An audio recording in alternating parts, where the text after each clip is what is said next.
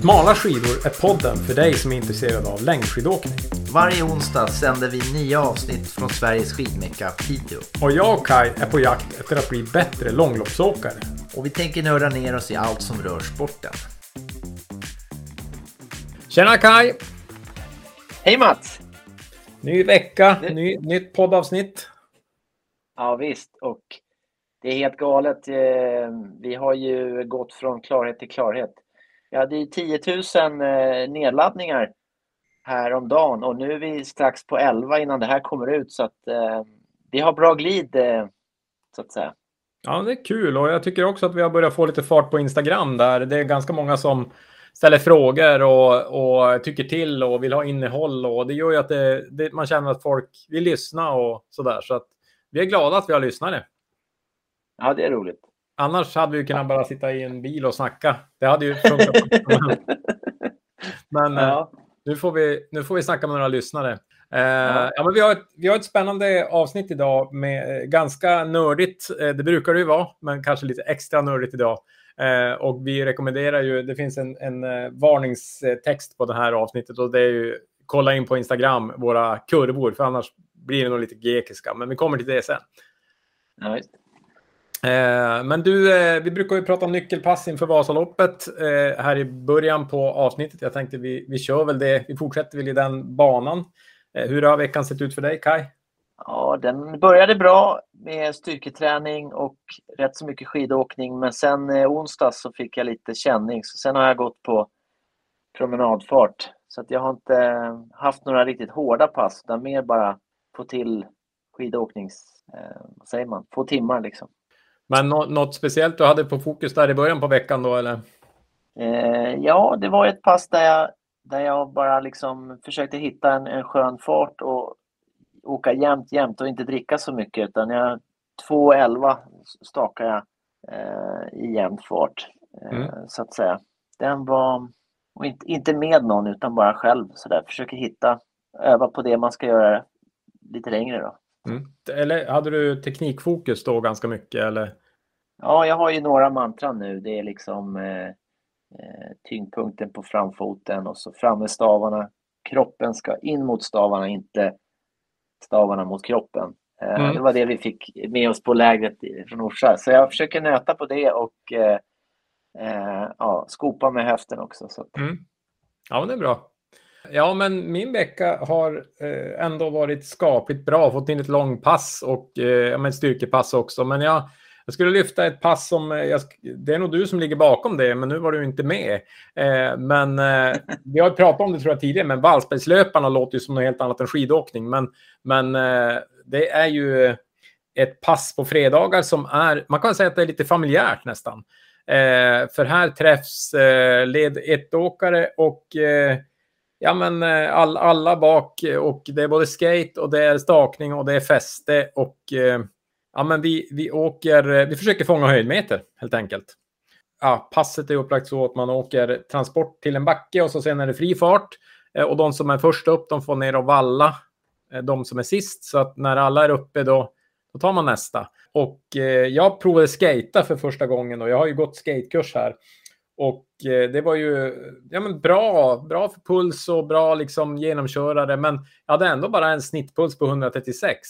Så att i alla fall som klockan bedömde så var det inte så slitigt. Men, men eh, det blev registrerat som ett tröskelpass. Så att, ja, men jag känner att det var, det var ett bra, bra fredagspass och jag tror att de där passen är liksom viktiga. Så att eh, kul, kul att eh, testa helt enkelt. Ja. Eh, man det är har... ett av mina favoritpass också, men eh, i fredags var det inget. Så. Nej, nej, vi fick bara ha nöjet av att ha din fru med på passet. Men eh, nästa gång är du med säkert. Ja det, bruk, det brukar ju vara någonstans mellan 14 och kanske 18 kilometer i distans och mellan 400 och 550 höjdmeter. Mm. Eh, naturliga intervaller, 4, 5, 6 stycken kanske. Ja, och sen också nu när det har kommit lite snö så är ju hela berget öppet så man kan ju åka lite, lite här och var och inte bara inne på stadion. Så det gör ju också att det blir lite mer varierat och roligt. Så ja. att, eh, Eh, ja, och bor man, då, bor man i närheten här i Piteå eller är förbi så gå in på Facebook på Vallsbergslöparna. eh, där styrs informationen upp om man vill vara med. För det är inget som kostar utan man behöver bara dyka upp i tid och orka åka i 90 minuter. Ja, men det, det skulle vara kul att få se någon löpare från någon annan ort. Det hade varit häftigt. Ja, men, och sen eh, alltså något att kommentera bara innan vi går in på huvudämnet. Det har ju eh, jubileumsvasan har ju gått här i veckan och eh, jag har kikat lite grann på eh, Vasaloppet TV och det är ju otroligt vilket, vilket häftigt lopp och vilka, alltså att man kan åka under sju timmar på tre meters kärade skidor eh, tycker jag är helt otroligt och Erik Wikström som vinner har ju dessutom den absolut korrekta frisyren för han ser ut som en, en dalmas för hundra år sedan. Eh, så vi, vi, får ju säga från poddens och våran sida ett stort grattis till Erik eh, som ju är gäst i podden. Om, om man är nyfiken på det så är det nummer sex. Ja, det är riktigt häftigt faktiskt. Det, det, någonstans där är ju... Det var ingen, eh, ingen taktikåkning utan alla åk, verkar åka sitt eget race. Det var inga stora klungor utan det var bara mata och kötta de här nio milen. Ja, det var välförtjänt. Ja. Han har ju haft världsrekordet i vad är det, 24 och 48 timmars skidåkning så jag är inte förvånad att han eh, åkte ifrån eh, eh de andra. Så att Nej, och sen jag, det var ju också intressant på ett sätt för att jag hörde någon kommentar eller om jag läste att han hade kramp i magen. Eh, så någonstans har han ju ändå antagligen stakat. Eh, och jag tänker mig att för hundra år sedan så stakade man inte på samma sätt. Så att det, det hade varit roligt att få, eh, liksom, eh, få se liksom, eh, om Erik Wikström kunde flytta sig hundra år i tiden och se han åka med de andra tekniskt med samma utrustning men med den träning som vi får idag jämfört med då. För då var det ju skogshuggare som var liksom förmodligen otroligt uthålliga och superstarka men kanske inte tekniskt lika utvecklade om man säger så. Nej, och jag tror att även om det inte var dragna spår så är det nog hårdare preppat i nu, vilket gör att det går att staka. Ja. Som kanske var omöjligt då. Så det är väl svårt att jämföra rakt upp och ner, men en bragd i alla fall. Jag hade inte velat åka med de där skidorna så länge. Jag hade haft ont överallt tror jag. Ja, nej, jag, och jag satt också och tänkte så här, undrar om de har småfåglar. Jag tänkte så här, är det någon som har dragit en liten rill under de där skidorna eller kör de liksom? eh, men det får man aldrig veta. Förhoppningsvis inte, men Ja, men eh, bra. Jag tänker att vi ska, vi ska gå över till dagens ämne och eh, vi har fått lite frågor på Instagram eh, i och med att vi pratat lite om det här med pulsklockor och eh, diagram och kurvor. Och eh, vi har tagit in Marcus Tibursi som gäst att eh, nörda lite grann i det här. Och eh, som sagt, eh, kolla gärna in kurvorna som vi visar upp på Instagram för att få någon sorts vett i det här. Smala understreck skidor finns vi på. Och jag vet inte, vad säger du Kaj? Ska vi, ska vi åka? Ja, det är ju en varning för den här. Eh, det är ju nörderi, men jag gillar verkligen tonen att, att man får klaga så länge man har ett bättre förslag. Och jag tycker att det kommer många bra förslag här. Så att, eh, låt oss lyssna. Ja, och, och, för dig som nästan zoomar ut om det blir för nördigt så kan vi säga att det kommer, det kommer bra, bra grejer kring Strava också som är eh, väldigt intressant, som var lite nytt för både dig och mig, Kaj. Eh, ja. Så att eh, håll i och håll ut, eller hur man brukar säga. Så nu kör vi. Välkommen Marcus. Så där, då hälsar vi Marcus Tiburzi, a.k.a. Tibban, välkommen till Smala skidor. Smala skidor. Eh, välkommen Tibban. Tack så hemskt mycket. tänker, ja, verkligen. Innan vi går in på dagens ämne, eh, vem är du som skidåkare? Vad har du för relation till skidåkning och Vasalopp och så? Kan vi få en kort resumé? Ja, jag, jag har väl en ganska förhållandevis kort karriär i, i skidåkning. Jag gjorde mitt första Vasalopp 2014. Egentligen för att en kompis var nere 2013 och tittade på Vasaloppet och, och sa att det där ska jag åka. Och han, har mycket, han tyckte jag var mycket sämre än mig, så här idrottsmässigt bakgrund. Att kunde han åka ett Vasalopp, då ska jag också åka. Men egentligen, jag har väl en ganska jag har väl aldrig idrottat alls som barn. Jag minns att jag, jag, tävlade mot min bror när jag var åtta och han var sex i löpning. Vi sprang väl 800 meter och jag fick stryk. Sen var min idrottskarriär eh, rökt helt enkelt. Då, då var det sluttävlat. Ja. Fram till vuxen ålder. Men annars... Flummer, det vill säga. Ja, men jag har väl, jag väl harvat på i skidåkning. Jag har väl aldrig kommit någonstans riktigt. Jag är väl där någonstans i startled 6, 7, 8, 9 och och rör mig beroende på hur, hur träningen har gått under året. Du, du är också känd för att få kramp i våra träningskretsar. Ja. Ska vi säga. Ja, dessvärre. alltså långlopp är inte alls som höjdare. Det, någonstans halvvägs börjar det gå illa för mig oavsett distans nästan. Så det, jag vet inte hur jag ska lösa det. Om ni har du, några bra tips. Du och Kai kanske har lite gemensamma gener. Det kan vara så. Har du också krampproblem? Nej, mer att han är en sprinter tänker jag. Ja, det är klart. Men det, det är väl vad jag är. Sen, det är ju fasansfullt att börja krampa sådär. Det går också runt ben, armar, rygg, mage. Man får liksom byta åksätt ständigt. Jag tror att vi får, vi får någon gång i framtiden ska vi ta ett, ett avsnitt om kramp. Då kanske du får vara gäst igen. Ja, jag, jag vet allt. Men det bara fortsätta. Det, det, det, går ju alltid över på något slags sätt. Ja. Så att man, man byter muskel och så fortsätter man. Ja, men jag har ju sett dig ramla i diken och liknande saker, så det, det kan vara ganska underhållande också. Ja, det känns lite taskigt att garva, men det ser väldigt roligt ut. ja, man, man, man, vi, vi tycker synd om dig och hoppas du ska komma över det där. Men vi ska gå in på dagens ämne och eh, vi har ju flaggat lite grann för det. Det har faktiskt varit så att det var en av våra eh, lyssnare på Instagram som frågade var stod, var stod tesen om pulsklockorna vägen och eh, ert uppsnack att, att, ni ha, att vi hade något här som var lite intressant. Så därför har vi bjudit in dig för att berätta om dina tankar kring, kring eh, de här, eh, ja men det man får ut av pulsklockan helt enkelt och, och vad man kan göra annorlunda och bättre och så där. Så jag tänker du får berätta hur du, hur du kom in på det här och så. Ja, men det är väl två aspekter. När man åker skidor eller rullskidor eller vad man nu tar sig fram via så har man inte så mycket att titta på. I alla fall jag följer ju, jag har märkt att jag följer snitt, eh, snittfarten väldigt mycket och eventuellt snittpuls. För det är väl de, de två som känns relevanta när jag är inne i det.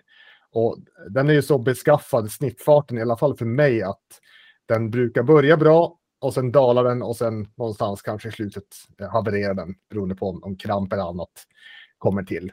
Och den kurvan ser man ju bara liksom live i klockan. Man följer, den ligger på, när jag kör rullskidor kanske jag ligger på 15 och är ganska nöjd och så kryper den sakta, sakta neråt. Hur, hur gör ni när ni åker? Vad tittar ni på? Ja, men det är de två, snittpuls och snittfart, eh, väldigt mycket. Vad säger du Kaj? jag kollar bara på realtidspuls i princip. Och ja. ibland eh, realtidsfart för att få ett, liksom, koppla känslan mot vad, vad säger klockan. Den tycker jag inte alls säger så mycket vilken fart jag har just nu. Det känns som att den är svår beroende på vilken, vilken lutning man ligger i och sådär. Men, men pulsen tittar man på ganska, eh, ganska ofta. Men man vill ju se det här i, i efterhand, så det var så jag började fundera i just den där snittfarten. Och den är också så, den har ju den egenskapen att i början på ett, på ett pass så kan den påverkas väldigt mycket. I och med att det, det är så kort tid som snittet tas ifrån och i slutet så blir det ju snitt på hela passet och då är det väldigt svårt att, att påverka. Så den var ju en sak jag stört mig på att jag inte har fått se den. Den andra saken är ju att kurvorna som kommer från framförallt från farten är ju den är ju liksom otittbar på i efterhand om man åker skidor. Den, den är ju extremt dynamisk. Du kan köra i, i 8 km i timmen, du kan köra i 50 km i timmen. Och den går ju bara upp och ner som en jojo egentligen. Så den går inte att få ut något vettigt alls. Och speciellt inte på, på längre sittningar. Det ser ut som tänk... Eh, hjärtkur hjärtkurvan är strax innan hjärtinfarkt. Eh, oftast. Ja, men exakt. Upp och ner. Medan hjärtkurvan har ju en mer naturlig dämpning i sig i och med att hjärtat är lite trögare i sin, i sin rörelse. Så att och jag och Mats, vi pratade väl om det där att det där vore ju, det måste man ju lösa på något sätt. Den ena kändes ju ganska lättlöst att, att plotta ut en snittfart på ett, på ett pass. Men den andra, att få en jämnare kurva, då var man tvungen att fundera hur gör, man, hur gör man det då på något bra sätt? Det finns väl, nu är jag ingen statistiker på något sätt eh, eller matematiskt intresserad alls, jo det är jag väl, men, men normal intresserad. Så jag tänkte att det, eh, det måste man hitta en lösning för. Och jag valde ju att helt enkelt gå och ta ett snitt bakåt i tiden. Hur har mina sista minuter sett ut? Och låta det bli en, en, en graf. Så att jag satte väl, när var det då Mats? Var det eh, kring jul kanske? Strax efter? Ja, något Satte mig ner och, och funderade, jag måste ju få ut det här ur, ur klockeländet. Så att jag hitta ett sätt att få ut en, en eh, fit-fil som konverterades till CSV-fil. Och sen in i Excel och göra lite formler för det hela. Och vips så dök det upp två olika kurvor på, på skärmen. Och de kanske vi ska ta och titta på. Eller vad, vad tänker ni? Ja, och, och, här blir det ju tyvärr så, så kör vi ingen vlogg utan vi kör ju podd. Så vi kommer, att, eh, vi kommer att försöka beskriva vad vi ser, men vi lägger upp på Instagram de här kurvorna eh, som, som eh, Marcus har tagit fram helt enkelt. Men jag tänker att vi tar väl och skärmdelar och pratar om det vi ser. Eh, vilken, vad vill du börja med för någonting, eh, Marcus? Jag tänker att vi börjar att titta på, jag gjorde en kurva som innehåller pulsen och höjden på banan och eh, snittfarten. Mm. Och det är från vårt Bodenlopp där vi alla tre kan. Är det Luleå va? Kan... Kronaloppet? Nej, just det. Förlåt. Kronaloppet. Jag vill också någonstans vara tydlig med att jag använder ju Garmin. Jag har ganska dålig koll på de andra klockornas funktion. Så jag vet inte om, om det finns någon, någon som har en bättre lösning på, på problemet. Men det verkar ju som att Polar i alla fall, som jag kollar på, Kai har ju Polar, verkar ju inte kunna visa heller upp på ett sånt här sätt. Ja, precis. Här har vi min sorgliga kurva från Luleå. Och eh, det är väl ganska tydligt vad som händer. Det, det blåa vi tittar på, eller ni, ni lyssnar på, det är den... Luleåloppet var ju fem varv långt. Så vi kommer att se fem ganska tydliga snarlika grafer. Men det är bara det att för varje varv, de tre första varven ser man på min kurva. Där tappar jag lite grann sådär. Och nu tittar vi alltså på en utjämnad kurva med eh, den är utjämnad på 15 minuter bakåt i tiden. Och där går det väl sakta ner för att de två sista varven havererade egentligen. Och det, det svarar ju väldigt väl mot vad min känsla var i loppet. Det är någonstans efter strax före tre varv kom min kompis Krampen eh, i kapp. Och jag hade gått hårt och följt en tjej som jag tyckte körde i ett bra tempo. Allt kändes kanon. Hon klev av efter tre varv. Då, då körde hon, hon körde det kortare loppet. Och kvar var jag med min kramp och försökte ta mig framåt för egen maskin. Va, vad ser vi framför oss då? Va, va, vad, tycker ni om den här kurvan? Ja, men en sak man kan se är ju pulsen också, att den, den eh, stiger ju, eh, och, men också att den sjunker med farten. Så att det verkar ju också som att du inte, alltså det är inte bara att det går saktare utan också att pulsen går ner så att säga. Min, min kurva ser annorlunda ut än din. Så no, något där finns ju att lära också. Vi kan väl titta på, på din, din och Kais kurvor över samma sak. Och du gör ju ett imponerande första varv. Kan man väl ja, säga. Vad, vad händer? Eh, ja, precis. Ja, men jag, den klassiska tävlingsfuriosan så åker jag iväg och så när jag tittar på klockan första gången så ser jag att jag har 18 i snitt eller något sånt där, eller kanske mer. Eh, men den är ju ganska lik, alltså första varvet är väldigt, väldigt snabbt och sen så är det ju en ganska jämn, ett jämnt förfall. Men min pulskurva går åt andra hållet jämfört med din. Eh, alltså jag får ju ökad puls eh, efter varv, alltså toppen på varv tre.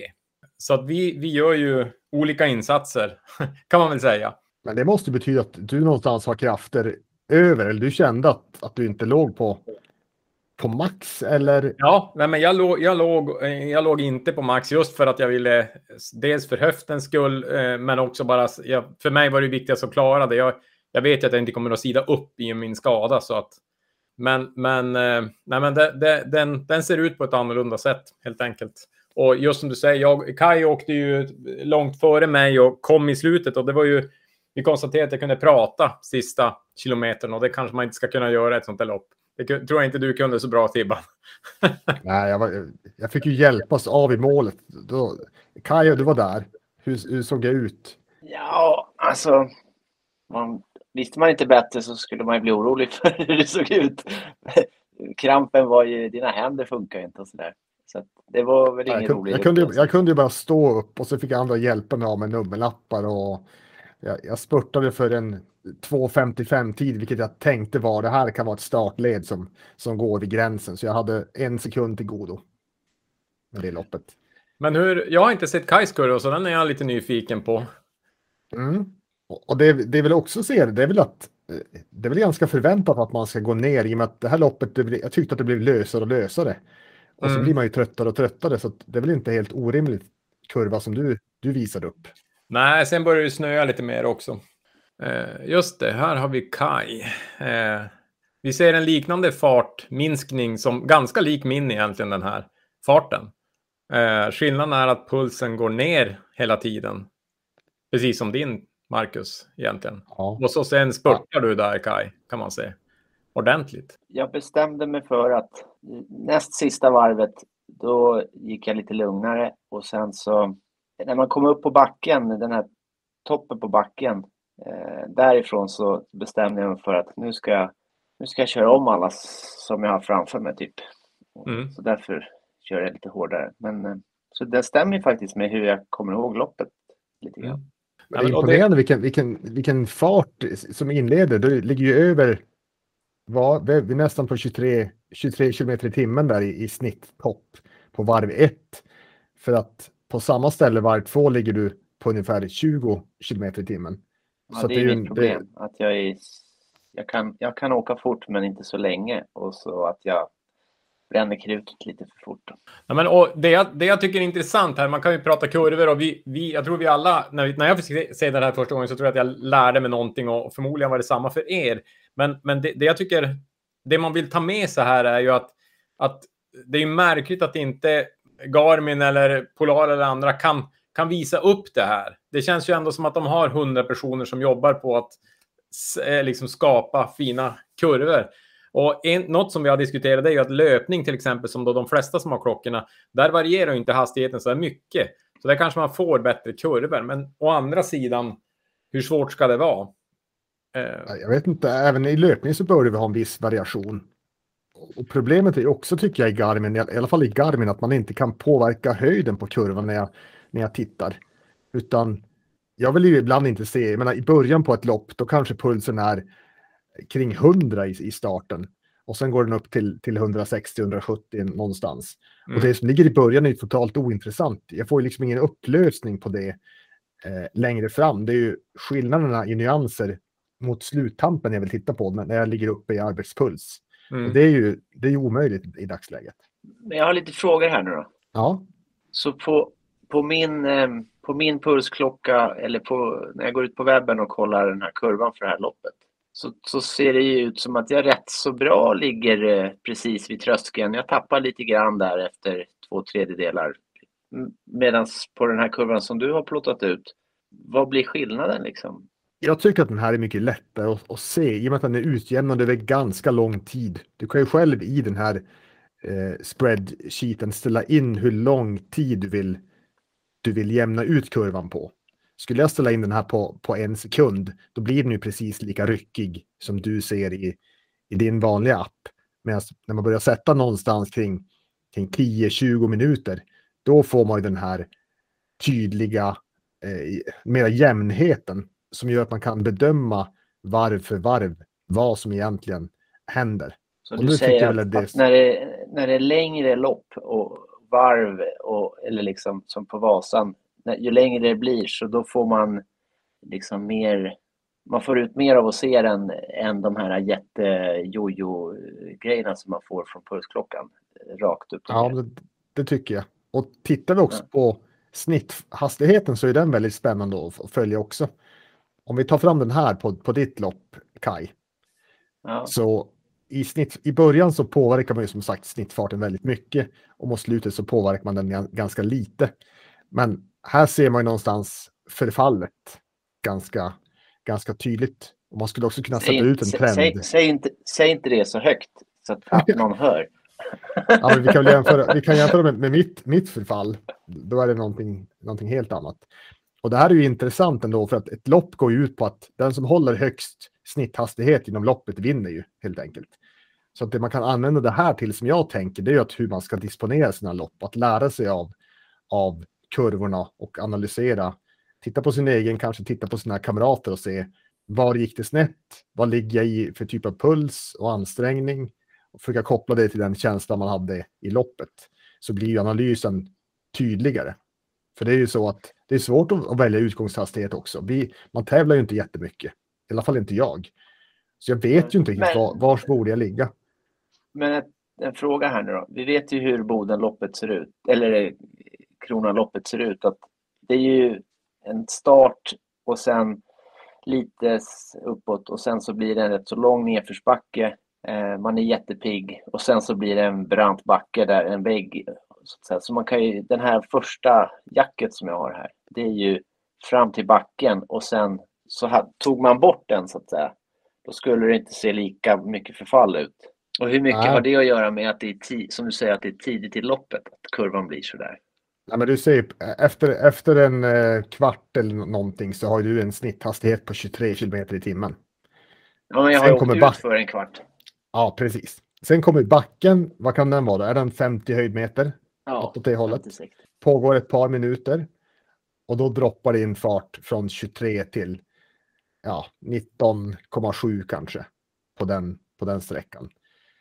Sen ser du ju samma sak hända en gång till, en gång till, en gång till, en gång till. Men den blir mindre påverkad för, för, varje, för varje varv blir den pucken lite mindre eftersom att loppet har, har gått, gått längre. Men det skulle vara intressant att jämföra med någon som, som kanske kommer längre, ännu längre fram, hur deras lopp ser ut här. Mm. Hur, liksom, hur är förfall, förfalltakten? Ja, och jag, jag tänker också att om man nu skulle, eh, vi får väl testa och göra ut de här kurvorna från sen när vi har åkt Vasaloppet exempelvis. Men det är ju just ett varvlopp är ju särskilt, blir ju särskilt intressant eftersom man då kan jämföra motsvarande ställen. Men jag tycker att det är även intressant eh, även om det inte är ett varvlopp. Alltså att man kan se, se bättre.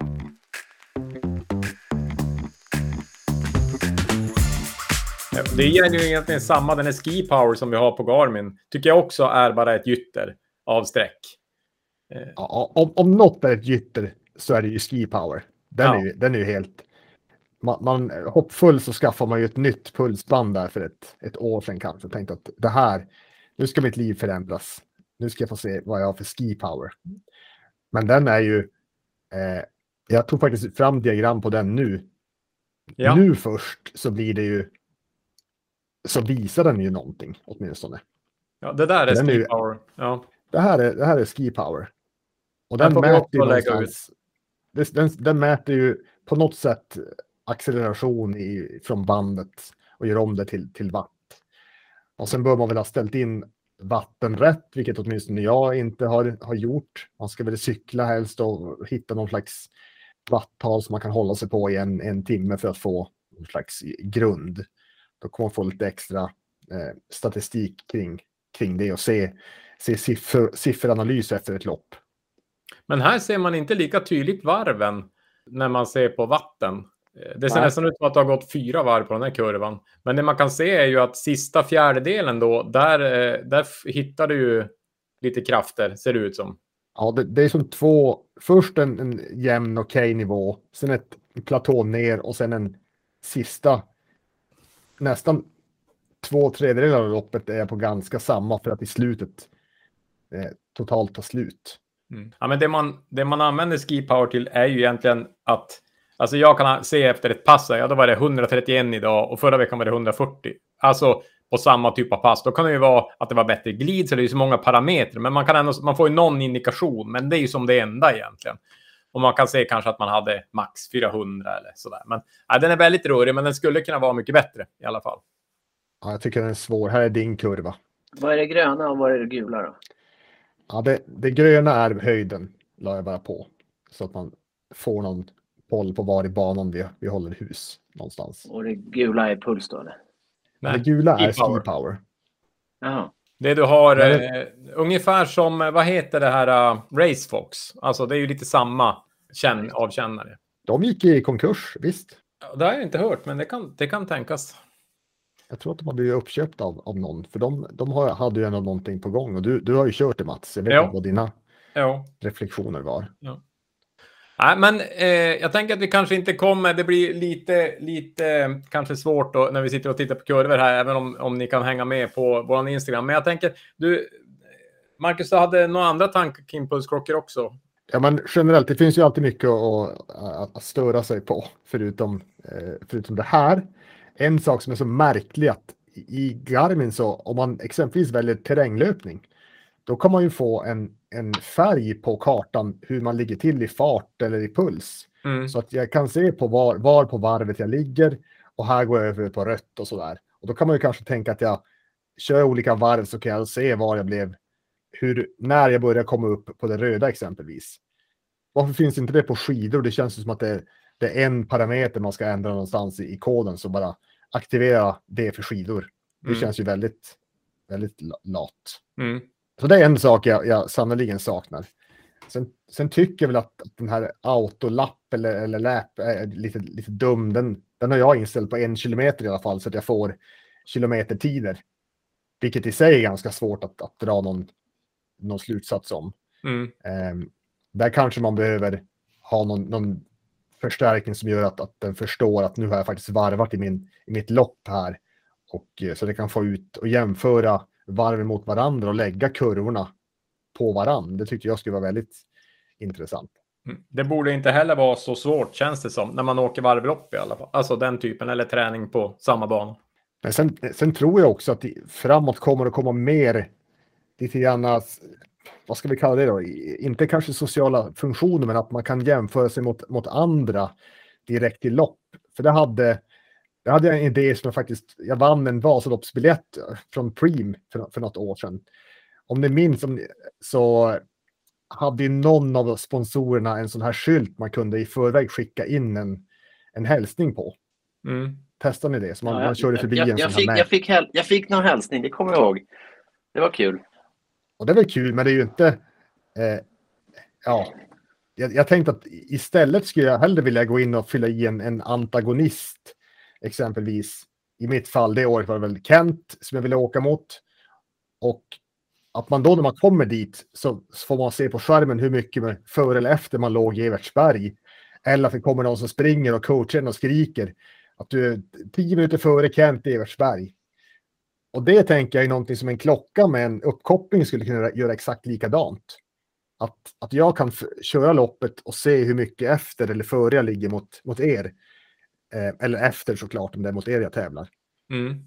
Det tänker jag borde komma ju mer man, desto mer uppkopplade klockorna blir. Nu måste man ju ha en telefon för att den ska kunna livesända, i alla fall eh, min Fenix. Det har väl, Garmin har ju en klocka med, med nät direkt i, i, i klockan. Mm. Men tänker du då att, äh, där tänker jag att det måste ju bli Strava till exempel som då gör det här eftersom alla klockor har väl sin egen gränssnitt giss, gissningsvis initialt. Skulle det kunna vara Strava? Ja, om, om Strava har en app direkt, direkt i klockan, för det här är någonting jag vill se. Ja. När, jag, när jag ligger och kör vill jag kunna mäta mot, ja men hur långt är jag efter Mats då? Mm. Och kunna se det på en skärm eller ha ett par stycken samtidigt. Det, det skulle ändå vara ganska, ganska intressant. Du, du kan ju faktiskt ställa in, jag har aldrig provat det, men du kan ju stoppa, eh, lägga in exempelvis Vasaloppet från föregående år och testa tävla mot dig själv och se om du ligger före eller efter i tid. Mm. Racefox har väl haft något sånt va? också. Alltså att man kan eh, träna mot vissa tider och sånt där. Jag har inte riktigt koll på hur det här funkar, men jag har för mig att man kan ta något där. Kunde ta ett abonnemang kopplat till Vasaloppet. Ja, men det här, Ja, jag min, tror sambo, också... har- min sambo har kört med det. Så Ja. det har varit eh, väldigt bra. Men det här betyder att om man langar sin egen vä- vätska, man bär vätskebältet med sig och så har man en hörlur i örat så kan man få eh, coachning både i relation till uppsatta mål men också eh, för det borde man ju ha, kunna ha då också att jag vill ha, Ja. jag har liksom hålltider som jag kan vara före eller efter. Och det, det, tror jag, det tror jag verkligen kommer. Och sen är det jag menar, har ni, har ni följt, Stra, har ni följt Visma, Visma Ski Classic någonting i år med, med app som finns ja. för att se var åkarna ligger någonstans? Mm. Så ser man på en, på en höjdkurva framför allt vad, vad, vem som är var. Mm. Och det tror jag också man vill ha för, för åskådare att, att följa flera stycken som åker. För ofta känner man ju kanske ett, en hel drös som valsar runt på Vasaloppsspåret exempelvis. Mm. Och då vill man ju följa det loppet hemifrån. Eh, nej men precis. Man, man har väl, eh, du, du har väl i, i eh, man kan väl följa sin åkare på webben så eh, redan idag. Och, och den, den är dunderdum på ett sätt i och med att, eller åtminstone den här prognosen för sluttid.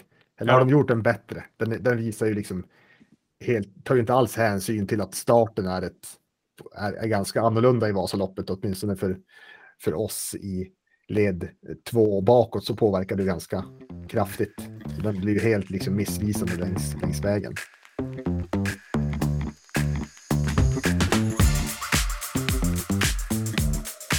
Ja, vi kan konstatera att det finns mycket att göra på tekniksidan. Och ja, är det nu någon som sitter på, eh, hos en klocktillverkare eller känner någon som, som jobbar på Garmin eller Polar eller någonting så, så Börja be dem lyssna på podden Smala skidor. Precis. Men jag vill, då vill jag visa en sak till. Som Ja. jag kastar upp ur hatt- hatten. Och jag, jag använder ju Strava. Och den är ju inte jättedum och speciellt inte i en, i en helt vanlig webbläsare. Jag vet inte om ni har sett det här. Men här är vårt Bodenlopp. Ja, Jag har lagt in eh, oss tre. Där man kan följa varandra från start. Och se hur vi åker framåt. Och se hur vi tappar eller vinner mot varandra. just det. Och i det här loppet så är det väldigt, väldigt tydligt. Ni ser vad jag ser här. Efter en Ja. timme i loppet.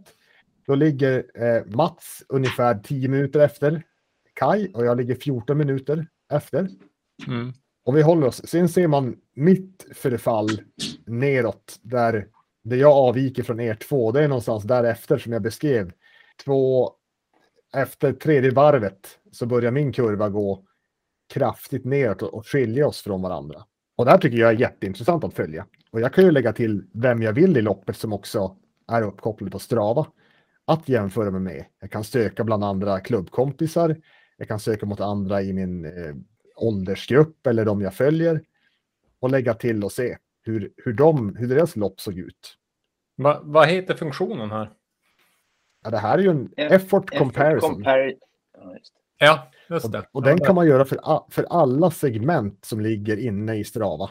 Inte bara för hela loppet, utan du kan titta på, ni har säkert sett i, i Strava att man kan lägga ett segment exempelvis på en speciell uppförsbacke eller någon lång Ja. nedförsbacke för att kolla glidet. Så att, så man kan jämföra sig i, i alla delar. Jag tycker de är ganska eh, intressanta, eh, Mm. helt enkelt. Ja, det där är läckert. Jag har faktiskt aldrig testat det. Har du testat det, Kai? Nej, det där har jag inte. Det där var ju faktiskt lite kul. Så länge man åker snabbast såklart. Ja, det är samma sak här. här. Här kan vi se jag och Kai i Vasaloppet 2018. Hur, här ser jag hur mycket jag tappade direkt i backen upp. Ni ser de här, den här, min eh, lila kurva. Vi gick kraftigt neråt där jag, där jag tappar eh, nio minuter efter liksom två kilometer. Då är jag hopplös efter och sen, sen är det ett, visst förfall. Men den sista milen kör ganska jämnt med dig och hamnar ungefär 40, 47 minuter efter. Men det är ju intressant att jämföra med sina egna lopp också. Titta på två, två eller fler Vasalopp och lägga in och se hur, eh, hur gick det här egentligen? För den här kurvan tycker jag är ganska, är ganska bra, de här eh, jämförelsesidorna. Det här är en eh, applåd till Strava helt klart. Har ni missat det, då måste man ju in och det är lätt gjort att man missar dem. För i, i appen, då tror jag inte att man hittar de här typen av jämförelser. Då ser man ju mer, eh, då kommer man mer se segment ganska enkelt. Att, att ja, idag fick du rekord på det här, den här uppförsbacken som du, som du körde. Och så kan jag jämföra och titta på alla mina andra pass, hur jag har kört i den, i den backen. Och då kan jag konstatera eh, och dra lite slutsatser. Men har du eh, något betalabonnemang eller är det här liksom basic-grejen? Ja, det här är betalabonnemang. Så jag, jag tänker att Strava kanske är en sån aktör som, som jag vet inte om Garmin kanske struntar i, i, i att vidareutveckla sig när man möter en, en sån som Strava där, man, där alla kan samlas. För det är också deras affärsmodell. De tar ju betalt för. De utvecklar ju funktioner som någon då ska tycka är värd att betala för. Och den här tycker jag ni ska ta en titt om, om ni har sett. Eh, här är supertydligt. Nu ser vi en kurva över min, liksom, den heter Fitness och Freshness. Och den visar lite grann hur, hur bra jag har tränat och hur stora förfall jag har när jag inte tränar. Och här kan man se i, i januari eller upp fram till och med Vasan 2018 så har jag en, en, en kurva som pekar uppåt. Och sen kommer något som är liksom ett post, eh, jag vet inte, apokalyptiskt eh, förfall efter Vasaloppet. Där man helt tappar motivation och riktning i. Här måste jag träna i princip ingenting. För att sen börja om igen och träna i ja, december för att åka skidor. Och sen händer samma sak nästa år igen. Det rasar rakt ner, kör ingenting på somrarna. Och det här kan vara ganska inspirerande att se, men okej, hur bra ska jag vara mot mig själv om jag faktiskt tog mig i kragen och, och tränade lite mer än bara vintersäsongen. Du är lite av en periodare där kan man säga. Ja, den här, den här byn, ni ser ju den inte, men den är en, det är ju någon slags, jag vet inte, sinuskurva i någon form. upp och ner. Ja, vi ska lägga ut de här som man i alla fall har. Vertikalt upp och, vertikalt ner. Ja, det är intressant. Mycket spännande. Ja, jag, ska, jag, måste, jag känner att jag måste, jag måste borra i Strava. Det känns som att där, där har man någon timme eh, av roligheter att göra. Va, Eh. Vad tänker ni då om, om eh, har ni någon tanke om, om framtida funktioner som, som Nej, men jag, jag tycker väl att, att, eh, att kunna jämföra, alltså det där på loppen är ju häftigt, men just det där ni pratar om att få, få lägga in sin egen coaching tycker jag skulle vara häftigt. Alltså att, att lägga in, om jag, jag siktar på en snittid på, säg vi då, 15 km i timmen i Vasaloppet, alltså 6 timmar, eh, att eh, få, få någon sorts eh, live coaching, att man liksom kan räkna ut för, alltså utifrån hur loppet ser ut. För det är så, alltså man kommer ju hålla högre snitt efter myrarna till exempel, eftersom det går lite fortare där. Ja, men då vet man att här måste jag hålla 17 kilometer i timmen, för sen i Risbergsbackarna så kommer jag att gå ner på 12. Eller, alltså eh, att man kunde få, ja, på något vis kunna bli coachad av klockan, eh, eller något sånt där, hade ju varit grymt. det, det kan du ju idag om du, om du jämför och lägger in ett, ett gammalt Vasalopp så kan du bli coachad mot, mot det. Hur då? Live, eller vad? Ja, du, du ser hur mycket du ligger före, före eller efter mot det tidigare ra- racet. Så du, du väljer ut att köra, att, att lägga in ett, ett lopp som du vill benchmarka mot helt enkelt. Det kan du göra i klockan alltså? Ja, då ser du direkt på en, en vy i klockan om du ligger plus eller minus. Och den tar ju också hänsyn till hur Vasaloppet var då för, för de, de åren sen som du körde. hade jag ingen aning om heller. Och hur gör, kan man det i alla klockor eller vad? Ja, jag, i, i min, jag har ju en Fenix 6 och där, där kan man det i alla fall. Men det är mycket pillande. Det är det som är utmaningen i klockor, att man, det är många menyer, mycket att, ganska många funktioner som man knappt, även om man är en tekniknörd, knappt orkar sätta sig in i. Så det, Mm. det är väl utmaningen för dem också, att, att få det så pass enkelt att, att vem som helst att få det som ett autoförslag. Att nu vet den att nu, nu står vi i starten för Vasaloppet. Eh, och så ser klockan att ja, men du har gjort fyra race här tidigare för samma tid på året. Ska vi ta och jämföra mot, mot de racen? Mm. Och så mera autoförslag, ja. Och sen får man se. Mm. Och det tror jag kommer ju mer. Du har ju AI som kommer in. Du har ju väldigt mycket data i det här som, som finns. Det finns mycket att gräva i för eh, helt enkelt för att göra det enklare. Så det tror jag blir intressant hur det kan påverka. Ja, vi, vi är ju inte bangna på att betala för oss om vi hittar något som kan hjälpa oss. Det är ju helt uppenbart. Eh, så att eh, man hoppas väl att de, de, de gör det helt enkelt. Jag tror att många skulle vilja... Vi, vi, du kanske får bli så teknikcoach, Tibban. Eh, eh, att man liksom får eh, lägga sig i säsongen och, och få, få hjälp på något vis med, sina, med sina kurvor. Och, det skulle vara intressant att se hur Ja, det skulle... Det kanske är ett, ett affärsben som öppnar upp sig här då. Ja. Jag, jag, hade, jag hade hellre sett att, att det här blev inbakat. Så det är ju ändå lite ansträngning att ta ut en kurva och göra. Och ja, jag vet inte. Ja, nej, men du får ju ta rejält betalt. Eh, det, eh, så att du, du blir rik när du blir stor. Ja, Eh, ja, nej, men eh, bra. Jag tänker att eh, det där är nog så mycket vi orkar med i tekniknörderi innan vi, innan vi liksom någonstans går in i den väggen. Är det, har du några mer frågor eller sådär Kai till Marcus? Eller jag känner att jag är ganska nöjd ändå. Ja, nej, jag tror att jag har fått det. Det är väl liksom eh, om du skulle med en mening eh, eh, eller två, vad är nyttan med den här eh, kurvan? Om, om vi skulle klippa ur, om vi skulle klippa ur en, eh, ett ljudklipp liksom. Vad Jag tycker nyttan, på den här liksom. jag tycker nyttan är att se tendensen i, i loppet. Var, var det går bra och var det går sämre. När, när tappar jag det? Hur, hur trött är jag då någonstans? Så att jag kan lära mig mellan lopp. Var, var borde jag ligga? Var går, var går gränsen? Det tänker jag är, är det intressanta med de här kurvorna. Tydligare feedback loop så att jag kan ta med mig lärande om ansträngning och, och, väggen till nästa lopp så att säga. Ja, Ja, och jag tänker också det vi har pratat om tidigare, energi. Alltså det, det kan man ju säkert också se. Eh, vi hade någon kompis som glömde sina gels och han sa att sista varvet var liksom...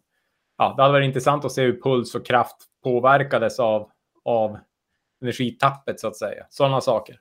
Även om han i och för sig då visste om det så hade det varit roligt att se också och få bekräftat.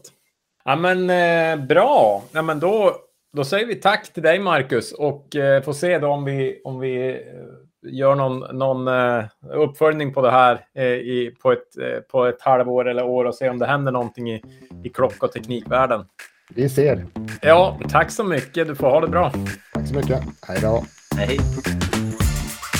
Så, vi tackar Marcus för eh, utläggningar och eh, nörderi. Det, det gillar vi ändå på något sätt. Ju, vi vill ju att det ska vara lite nördigt. Eller hur? Eh, på, på tal om nördigt. Vad Ja, vad, vad, vad, vad, vad fick du mer av det här? Eh, För mig satte det i alla fall griller i huvudet. eh, Både på hur jag åker men också på vad skulle man få för nytta av eh, om det var lite bättre kurvor och sådär. Ja, nej men kan, alltså egentligen så det är inte säkert att man direkt har supernytta så, men, men jag, jag tycker i alla fall att det är just det här äh, som Marcus sa, det handlar ändå om att ha bästa snittfarten och jag, det har jag hört dem kommentera flera gånger under OS, just där när de öppnar för hårt och går in i väggen, som händer ju ganska ofta. Eh, att Ja. man, man, eh, man har att lära och jag vet, jag har fört någon diskussion med Stefan Thomson en gång om några av skidåkarna som han har berättat om i landslaget som, som tenderar att öppna för hårt och hur mycket de jobbar med det. Så jag tänker att vi är nog ganska många ändå som skulle kunna göra bättre lopp genom att disponera dem bättre. Eh, det, det tror jag. Sen, sen hör man ju också liksom de som säger att många öppnar för svagt, alltså att man skulle kunna ösa på mer. Så att här, här, här finns det jobb att göra tror jag. Där, vissa kanske öppnar för hårt och vissa inte, men kurvorna här eh, tror jag kan hjälpa oss. Eh, Något jag glömde faktiskt när jag tänkte på de här kurvorna, eh, det, det var ju glidet. Att glidet blir mest troligt sämre för varje varv också. mm. Och det, det kan man väl tolka in i det här. Så att, ja, jag, helt klart har jag fått griller i huvudet nu. Så att, eh, det blir lite fundera på. Ja, Ja. kanske blir svårt att somna ikväll. Vi får se. Men, men på tal om kurvor så, så vi hade ju ett avsnitt eh, kring spannkurvor och en riktig radioövergång där. Eh, och eh, exakt, jag, jag har tänkt på den där hela veckan. Nej då. Eh, men med Johan Öberg från Ski Selector. Och eh, då kom det en fråga i veckan på Instagram där någon frågade så här, men om, om då skidorna som där kallföresskidor exempelvis mäts i 20 grader varmt i en sportbutik. Eh, vad händer då när de är i 20 grader kallt och ska åkas med? Är det ett annat spann då och blir skiselektormätningen då felaktig? Och eh, så jag skrev till Johan och frågade om, eh, om de har tänkt på det. Och då berättade han att eh, LTU då som har snö, snöforskning eh, och det finns då en eh, tjej som heter Nina Linsén som är doktor i snöforskning eh, som har testat det här och det slumpade sig så att vi var på en föreläsning med henne i onsdags, både du och jag Kaj.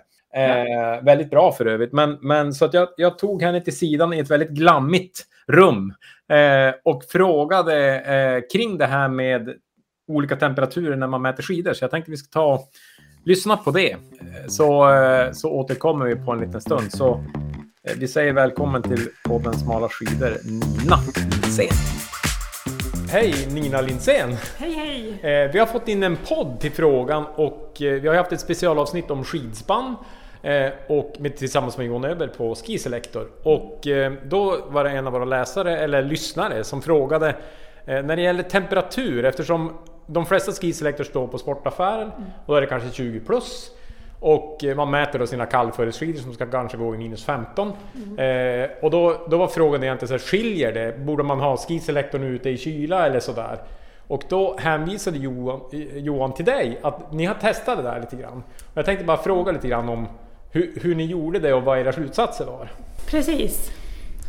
Eh, Jo, nej, men vi satte skidorna i en frysbox när vi gjorde det så att kyl, skidorna var nedkylda.